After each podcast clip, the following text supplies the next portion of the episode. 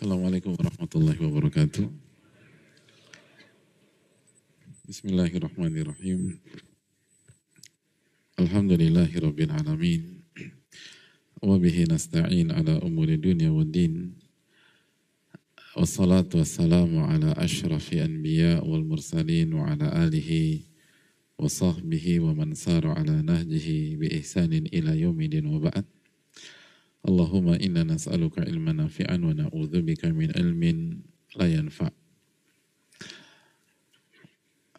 Hadirin yang Allah muliakan, Alhamdulillah kita bersyukur kepada Rabbul Alamin atas segala nikmat dan karunia yang Allah berikan kepada kita sehingga kita bisa berkumpul pada kesempatan kali ini dalam rangka menuntut ilmu dalam rangka berusaha memuliakan ilmu karena hadir di majelis itu salah satu bentuk memuliakan ilmu. Kita kita dengar ulama kita mengatakan al ilmu yu'ta walayati ilmu itu didatangi Al ilmu yuk walayati. Ilmu itu didatangi bukan mendatangi.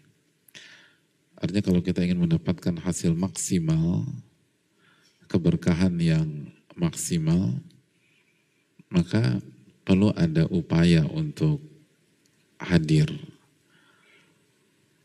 Ini bukan hanya sekedar belajar, sekali lagi ini tentang memuliakan.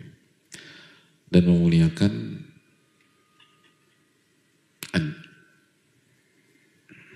dan memuliakan itu adalah syarat mendapatkan ilmu nafi. Sebagaimana dijelaskan oleh Azhar Nuji rahimahullah, dijelaskan oleh Syekh Saleh Al-Utsaimin hafizahullah dan para ulama yang lain bahwa memuliakan adalah satu-satunya jalan untuk mendapatkan ilmu nafi, ilmu yang bermanfaat. Jadi mendapatkan ilmu nafi itu bukan sebatas bermodal kecerdasan atau kejeniusan. Abu Jahal itu cerdas hadirin, tapi nggak beriman dan nggak punya ilmu nafi.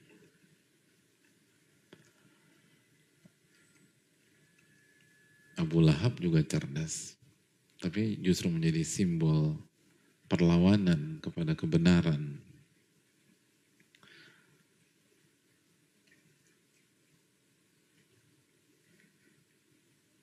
Bilal secara pendidikan itu mungkin dianggap bukan siapa-siapa. Tapi Bilal menjadi salah satu simbol ilmu nafi, khususnya di awal-awal dakwah Rasulullah Sallallahu Alaihi Wasallam.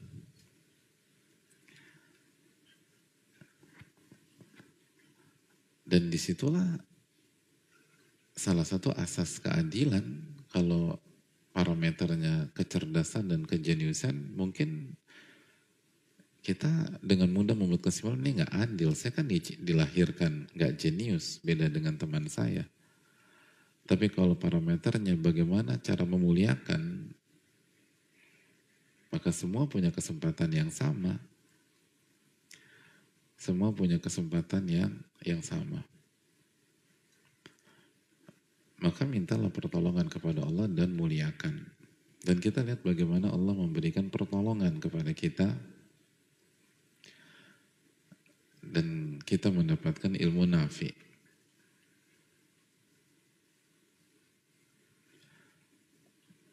Masih ada kendala di itu? Sound, ya. Alhamdulillah. Allahumma aslih lana umurana. Amin. Alamin. Dan hadirin yang Allah muliakan, di antara hal yang perlu kita tekankan di pertemuan-pertemuan saat ini adalah lagi-lagi maksimalkan bulan Dzulqa'dah sebagai bulan haram dan sebagai bulan haji. Karena ini bulan prestisius hadirin dan pahala ibadah yang kita kerjakan di bulan-bulan ini itu dilipat gandakan. Sebagaimana dosa pun dilipat gandakan.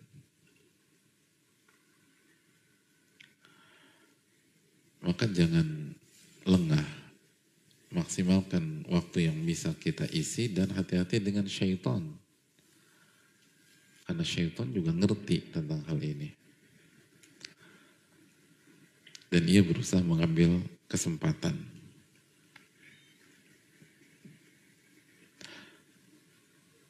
Dan uh, ada sebuah hadis yang menarik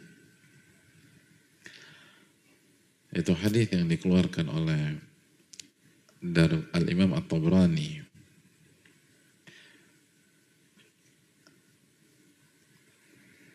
Dan dikatakan oleh Syalbani Hasan Sahih.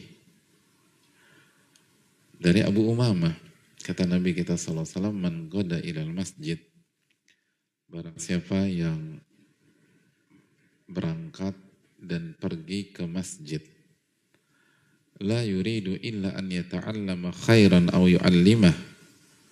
Dia tidak punya motif, dia tidak punya tujuan, dia tidak punya keinginan kecuali untuk mempelajari kebaikan atau mengajarkan kebaikan. Jadi motifnya, tujuannya, minatnya ketika menuju masjid itu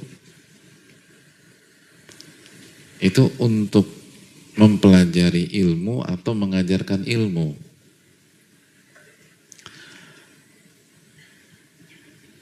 Nggak ada tujuan kecuali itu.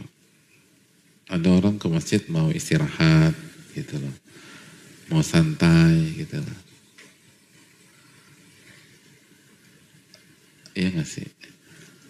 Siapa dulu yang waktu SMA jadi anak musola tapi hanya di jam-jam tertentu gitu loh jam mata pelajaran kimia jadi anak musola. Itu juga termasuk ya mas? Ya, ya. Pas mata pelajaran fisika jadi anak musola gitu. Jadi sholat duhanya itu pas kimia, pas fisika, pas matematik gitu loh. Kalau mata pelajaran olahraga sih di lapangan ya mas ya. Iya. di lapangan. Absen nomor satu. Jadi ke masjid juga, ke musola juga, tapi niatnya bukan itu. Nah ini niatnya itu untuk belajar atau mengajar. Apa yang akan dia dapatkan? Simak baik-baik. Kana lahu ka'ajri hajin taman hajjatuh. Maka dia akan mendapatkan pahala jamaah haji dengan haji yang sempurna. Dia akan mendapatkan pahala jamaah haji dengan haji yang sempurna. Itu yang disampaikan Nabi kita Sallallahu Alaihi Wasallam. Dan ini hadis kembali menunjukkan kepada kita pentingnya kajian offline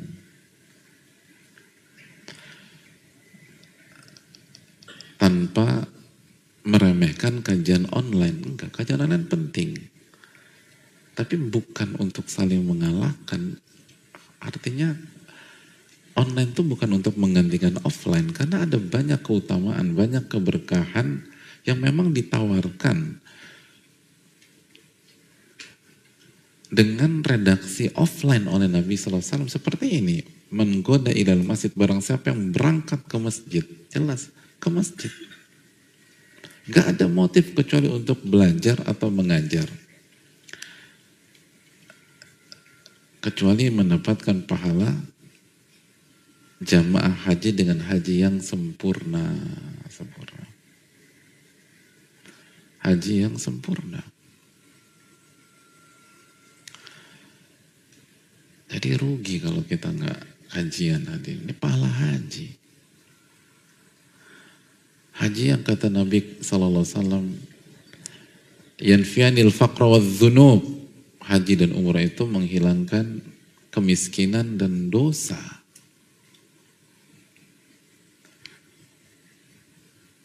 Jadi, aduh, gue nggak bisa ikut kajian kemarin gue ada uh, dagangan atau ada bisnis itu kajian di masjid itu di majelis itu, itu menghilangkan kemiskinan dan dosa. Kalau dikerjakan dengan ikhlas dan ilmunya jadi ilmu nafi. Asal ilmunya jadi ilmu nafi. Nabi kita SAW mengatakan, Man hajja falam yarfuth walam yafsuq raja'a kayaumin waladatu ummuh barang siapa yang haji dan dia tidak melakukan rofak dan kefasikan maka dia akan pulang seperti hari di mana dia dilahirkan oleh ibunya dosa-dosanya diampuni jadi kalau kita ke masjid untuk belajar agama dengan niat yang ikhlas memuliakan ilmu dan kita berusaha jadikan ilmu kita ilmu nafi, ilmu yang bermanfaat maka kalau pulang itu dosa-dosa diampuni oleh Allah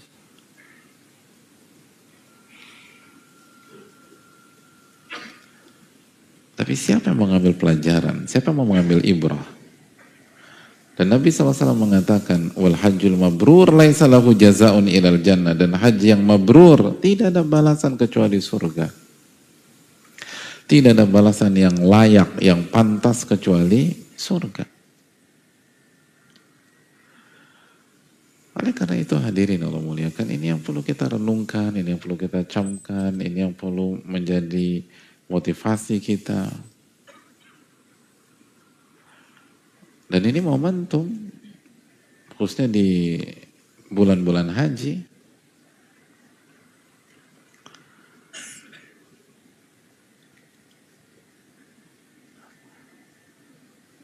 Oh gitu ya Pak Ustadz? Iya hadirin. Seperti itu. Kemarin saya baru daftar Pak Ustadz. Apa saya tarik aja tuh lagi? Mendingan ikut kajian aja lebih murah tuh. Daripada ikut puluhan juta, atau mungkin ratusan juta. Lo bukan begitu kata para ulama hadirin. Mendapatkan pahala jamaah haji, bukan menggugurkan kewajiban haji. Ada dua kotak yang berbeda antara mendapatkan pahala ibadah haji dan menggugurkan kewajiban haji. Amal-amal seperti hadis di atas itu nggak menggugurkan kewajiban haji. Tetap haji itu harus digugurkan kewajibannya dengan mengerjakan mengerjakan langsung atau badal ya dengan perincian di dalam ilmu fikih.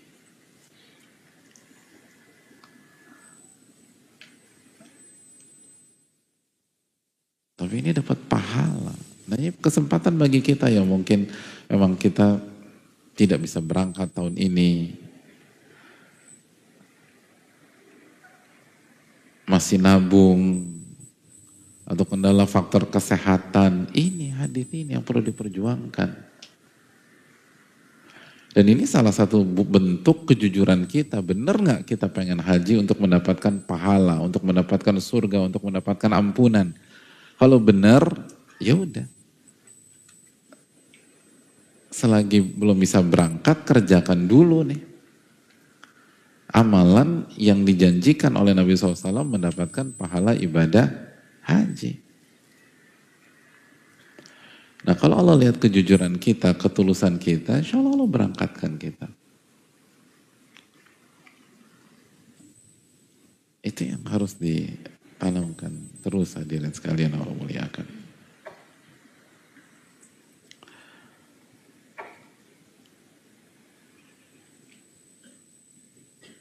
Jadi maksimalkan. Tolong dimaksimalkan. Maka bersyukurlah ketika kita bisa berkumpul di masjid yang semoga Allah berkahi ini.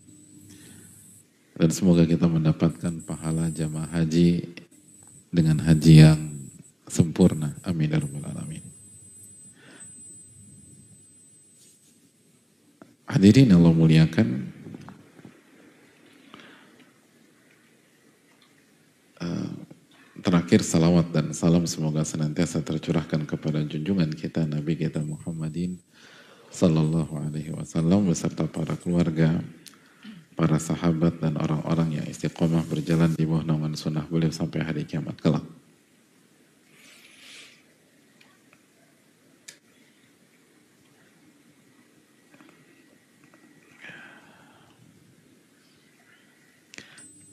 Tapi kita akan masuk ke uh, Takir Sami karya Ibnu Jama' Al-Kinani rahimahullahu taala. Sebuah kitab yang direkomendasikan oleh para ulama yang mengajarkan tentang adab ilmu. Dan adab ilmu adalah bagaimana kita beradab dengan ilmu dan dunia ilmu. Yang tujuan atau yang esensi utamanya lagi-lagi memuliakan ilmu. Karena salah satu bentuk memuliakan seseorang atau pihak lain adalah ketika kita beradab saat berinteraksi dengan pihak tersebut. Pada saat kita tidak beradab dengan pihak itu, itu menunjukkan kita tidak memuliakan dia. Dan celakanya kalau itu ilmu, karena begitu kita tidak memuliakan ilmu, maka ilmu kita tidak bermanfaat. Ilmu kita tidak bermanfaat.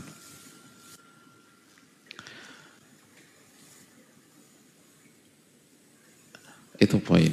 Dan bersama kita sebuah karya dari Ibnu Jama'ah Al-Kinani rahimahullahu ta'ala. Tapi kita masuk ke akhir dari paragraf pertama dalam adab ke-8. Fadal. Mana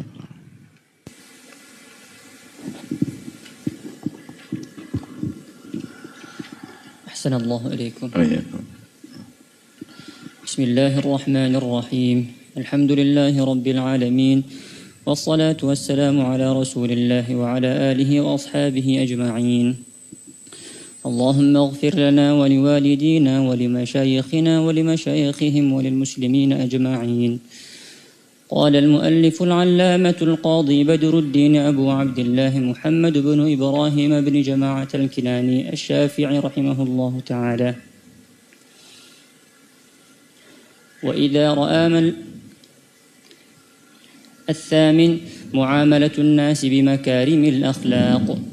من طلاقة الوجه وإفشاء السلام وإطعام الطعام وكظم الغيظ وكف الأذى عن الناس واحتماله منهم والإيثار وترك الاستئثار والإنصاف وترك الاستنصاف وشكر التفضل وإيجاد الراحة والسعي في قضاء الحاجات وبذل الجاه في الشفاعات والتلطف بالفقراء والتحبب إلى الجيران والأقرباء والرفق بالطلبة وإعانتهم وبرهم كما سيأتي إن شاء الله تعالى. جزا الله خيرا.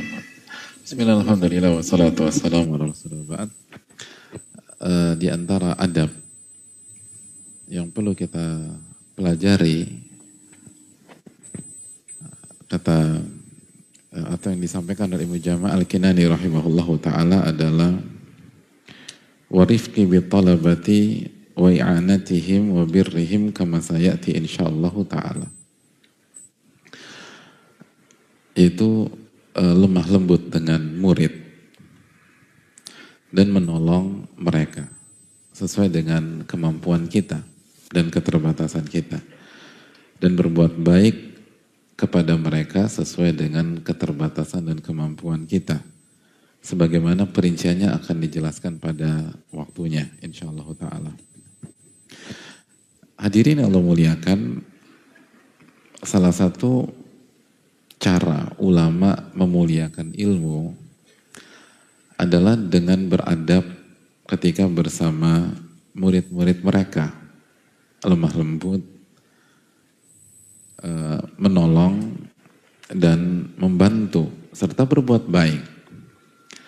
Dan jika mereka marah, itu bukan antum tahmid nggak sih tadi? Tahmid. Oh, Irhamukallah. Mohon maaf, saya, saya nggak dengar. Makanya saya cross check.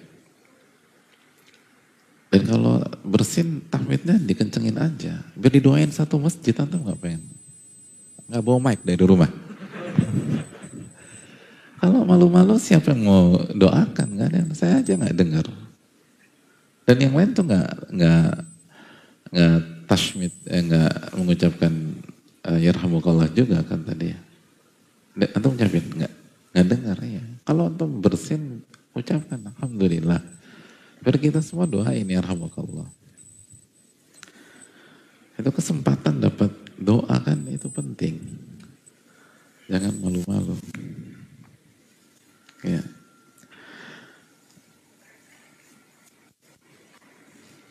Baik, hadirin Allah muliakan dan kalau mereka marah, itu marah karena sayang, marah karena mendidik, dan itu bukan hukum asal. Hukum asal mereka adalah lemah lembut, menolong, dan berbuat baik. Karena kita tahu Nabi SAW pun marah atau tugas gitu ya, Sallallahu Alaihi Wasallam. Tapi nggak ke semua sahabatnya, nggak ke semua muridnya dan edukasi, bukan marah emosi.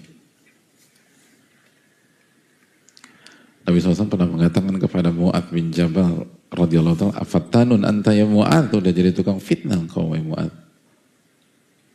Nabi SAW pernah nyecar Usama bin Zaid radhiyallahu taala padahal kesayangan Rasulullah SAW. Usama bin Zaid adalah kesayangan beliau. karena melakukan kesalahan ketika berhadapan dengan musuh. Tapi semuanya, Nabi SAW pernah mendiamkan Kaab selama 50 hari. Tapi apakah beliau baper, beliau kecewa, beliau marah? Enggak. Dan hukum asalnya adalah arifq, bitolabah, lemah lembut dengan uh, murid, menyayangi, menolong dan berbuat baik sesuai dengan kemampuan dan keterbatasan. Karena kita bukan Nabi alaihi salatu wassalam yang keberkahan waktunya itu begitu dahsyat, begitu luar biasa. Kita nih banyak kekurangan, tapi kekurangan kita itu coba kita gunakan untuk bantu orang, berbuat baik sama orang, semampu kita. Mungkin ada yang mengatakan di antara kita, hadirin, oh Kayaknya saya nggak ada rencana jadi guru, jadi ustadz atau jadi kiai. Nggak apa-apa. Cuman kaedah ini kan menjadi salah satu tolak ukur kita dalam mencari guru, gitu loh. Kan ini penting, karena ini bagian dari memuliakan. Kalau kita tidak berbuat baik kepada murid-murid kita, berarti kita tidak memuliakan ilmu. Kalau kita tidak memuliakan ilmu, maka bagaimana ilmunya menjadi ilmu nafi, ilmu yang bermanfaat. Kalau kita tidak bisa memiliki ilmu nafi atau kita tidak punya ilmu nafi karena kita meremehkan murid kita, karena kita underestimate sama murid kita, karena kita kasar sama murid kita, karena kita nggak pernah bantu murid kita, maka kaidah mengatakan fakidu syai la yu'ti. Orang yang nggak punya nggak bisa ngasih. Orang yang nggak punya 200 ribu gimana mau infak 200 ribu? Maka kalau kita nggak bi kalau kita nggak punya ilmu nafi, lalu bagaimana kita bisa memberikan ilmu nafi? Lalu bagaimana murid-murid kita mendapatkan ilmu nafi? Begitu mata rantainya. Maka ini kaidah penting buat kita. Kalau karena kita butuh guru. Dalam kehidupan kita, semua kita butuh guru. Maka carilah guru dengan profil seperti ini. Yang lemah lembut dengan murid. yang uh, menolong dan berbuat baik gitu loh. Yang kalau bicara santun dan kalau marah itu bukan hukum asal. Dan itu karena ingin mendidik kita. Marahnya tuh marah sayang dan edukasi sebagaimana orang tua pun suatu saat akan marah kepada anaknya tapi bukan benci dengan anaknya. Tapi untuk mendidik anak-anak tersebut. Itu hal penting hadirin. Jadi kita lihat gimana dengan muridnya, baik apa enggak, nolong apa enggak, punya punya perhatian apa enggak. Tentu saja dengan segala keterbatasan. Dengan segala keterbatasan. Tapi harus ada sisi itu. Baru kita bisa nilai, oh ini memuliakan ilmu. Berarti semoga saya dapat ilmu nafi ketika belajar dengan beliau. Itu poinnya. Kan yang terpenting itu ilmu nafi. Kan kata para kan konsep para ulama apa? Inna hadzal ilma dinun fanzur amman ta'khuduna dinakum. Kata Muhammad bin Sirin dalam Muqaddimah Sahih Muslim, sesungguhnya ilmu ini adalah agama kalian. Maka lihatlah dari siapa kalian mengambil agama kalian. Nah salah satunya ini. Salah satunya adalah kriteria ini. Kenapa demikian? Karena sekali lagi, walaupun murid kita, misalnya, kalau kita guru nih ya, kalaupun seorang murid ilmunya di bawah gurunya, cetek gitu, dianggap dangkal, tapi sedangkal-dangkalnya ilmu murid tetap ilmu dari Al-Quran dan Sunnah.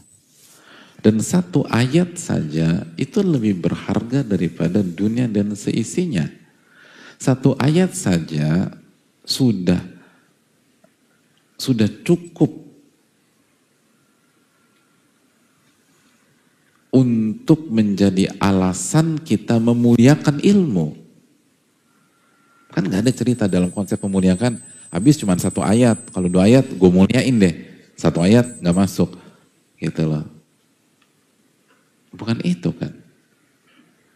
Satu ayat. Makanya dulu uh, apa? Sebagian guru-guru kita waktu di kampus itu kan mengatakan bahwa ahlu sunnah cukup dengan satu dalil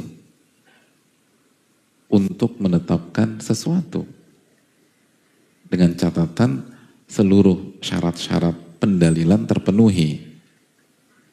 Maksudnya, kalau sudah ada satu dalil yang tegas, yang jelas, pendalilannya clear, bahkan mungkin ijma, untuk menerima, meyakini, dan mengamalkan, kita nggak harus nunggu ada lima dalil, enggak. Tapi mungkin lebih dari satu untuk penguat gitu loh. Tapi untuk meyakini, mengamalkan, cukup satu dalil. Dan begitu juga. Oke misalnya murid kita baru bisa uh, baru bisa uh, baru belajar kisor mufassal, misalnya surat-surat pendek. Tapi itu surat-surat pendek kan ilmu semua. Dan lagi-lagi sudah cukup bagi kita untuk memuliakan ilmu tersebut. Dan itulah hakikat dari ilmu. Dan memuliakan ilmu. Nah orang kalau punya mental seperti itu, ah itu sosok yang berkualitas. Sosok yang berkualitas. Dan dan insya Allah ilmunya bermanfaat.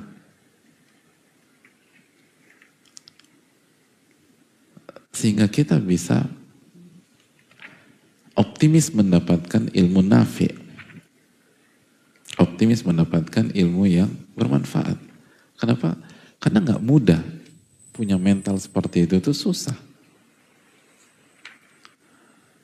Punya mental seperti itu bisa bukan hanya baik ya, tapi memuliakan dengan melihat uh, apa sisi minoritas dari diri seseorang itu kan luar biasa banget tuh.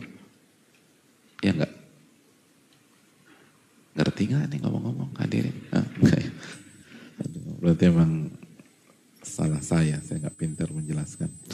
Jadi gini loh, kita itu kan manusia itu uh, apa susah ngelihat kebaikan orang gitu. Walaupun kebaikannya banyak. Walaupun kebaikannya banyak. Tapi susah aja gitu kan. Manusia kan indahu kana dhuluman jahula kata Allah dalam surat Al-Ahzab. Manusia itu zalim banget dan bodoh banget. Dan salah satu bentuk kedolimannya kan kita lebih mudah melihat kekurangan orang daripada kebaikan orang. Nah kalau kita berhadapan dengan orang yang di bawah kita secara ilmu, secara kebaikan, bahkan minim banget gitu. Dan dengan minimnya ilmu tersebut otomatis secara umum mungkin kesalahannya, ketidaktahuannya, kebodohannya jauh lebih banyak. Tapi kita bisa menutup, kita bisa nggak fokus kepada kekurangannya dan fokus pada sisi kebaikannya yang minim itu, yang minim itu, Lalu nggak hanya cukup melihat, tapi kita juga berusaha memuliakan dalam bentuk menyayangi, berbuat baik, maka itu sebuah mental yang berkelas hadirin. Dan tidak lain kita tidak lain tidak bukan kita lakukan hanya karena kita memuliakan Allah tabaraka taala. Bisa dimengerti? Masya Allah.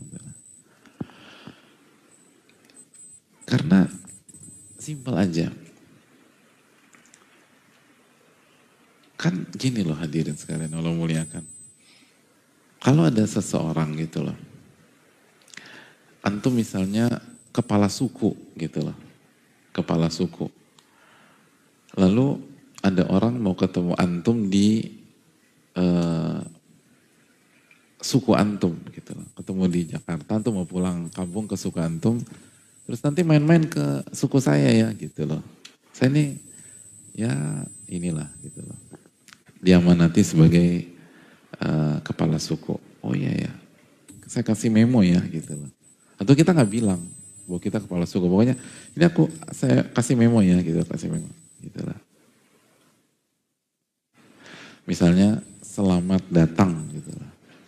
Nih kalau main ke suku saya tolong kasih lihat ini aja selamat datang gitu loh.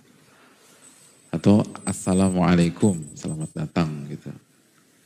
Ayo udah, oh, kita pun siapa orang. Tapi suatu saat kita main ke sukunya, mampir, terus oh, dihadang sama orang-orang suku tersebut, kita dipikir imigran gelap, terus uh, kita kasih tuh, ini saya punya secari kertas. Assalamualaikum, selamat datang itu semua langsung respect sama antum, sayang sama antum dan akhirnya dijamu. Dan antum bingung kenapa nih gitu loh. Ternyata itu walaupun secara kertas, walaupun secara kertas itu adalah memonya kepala suku. Maka semuanya respect sama antum. Sayang sama antum karena antum megang secara kertas yang merupakan tulisan kepala suku. Itu aja. Semua demikian. Nah murid-murid kita yang ilmunya sedikit, tapi kan kalaupun ada itu Al-Quran, surat sekian, ayat sekian. Hadis Nabi SAW, mereka punya itu. Dan kita harus memuliakan ilmu. Karena kita harus memuliakan Allah Tabaraka wa Ta'ala maka bentuk memuliakan Allah Subhanahu wa taala dalam kotak ini dan dalam konsep ini adalah muliakan murid kita. Walaupun ilmunya sedikit. Ini bukan tentang sedikit. Seperti tadi, ini bukan tentang secara kertas. Ini tentang memo Pak Kepala Suku. Beda.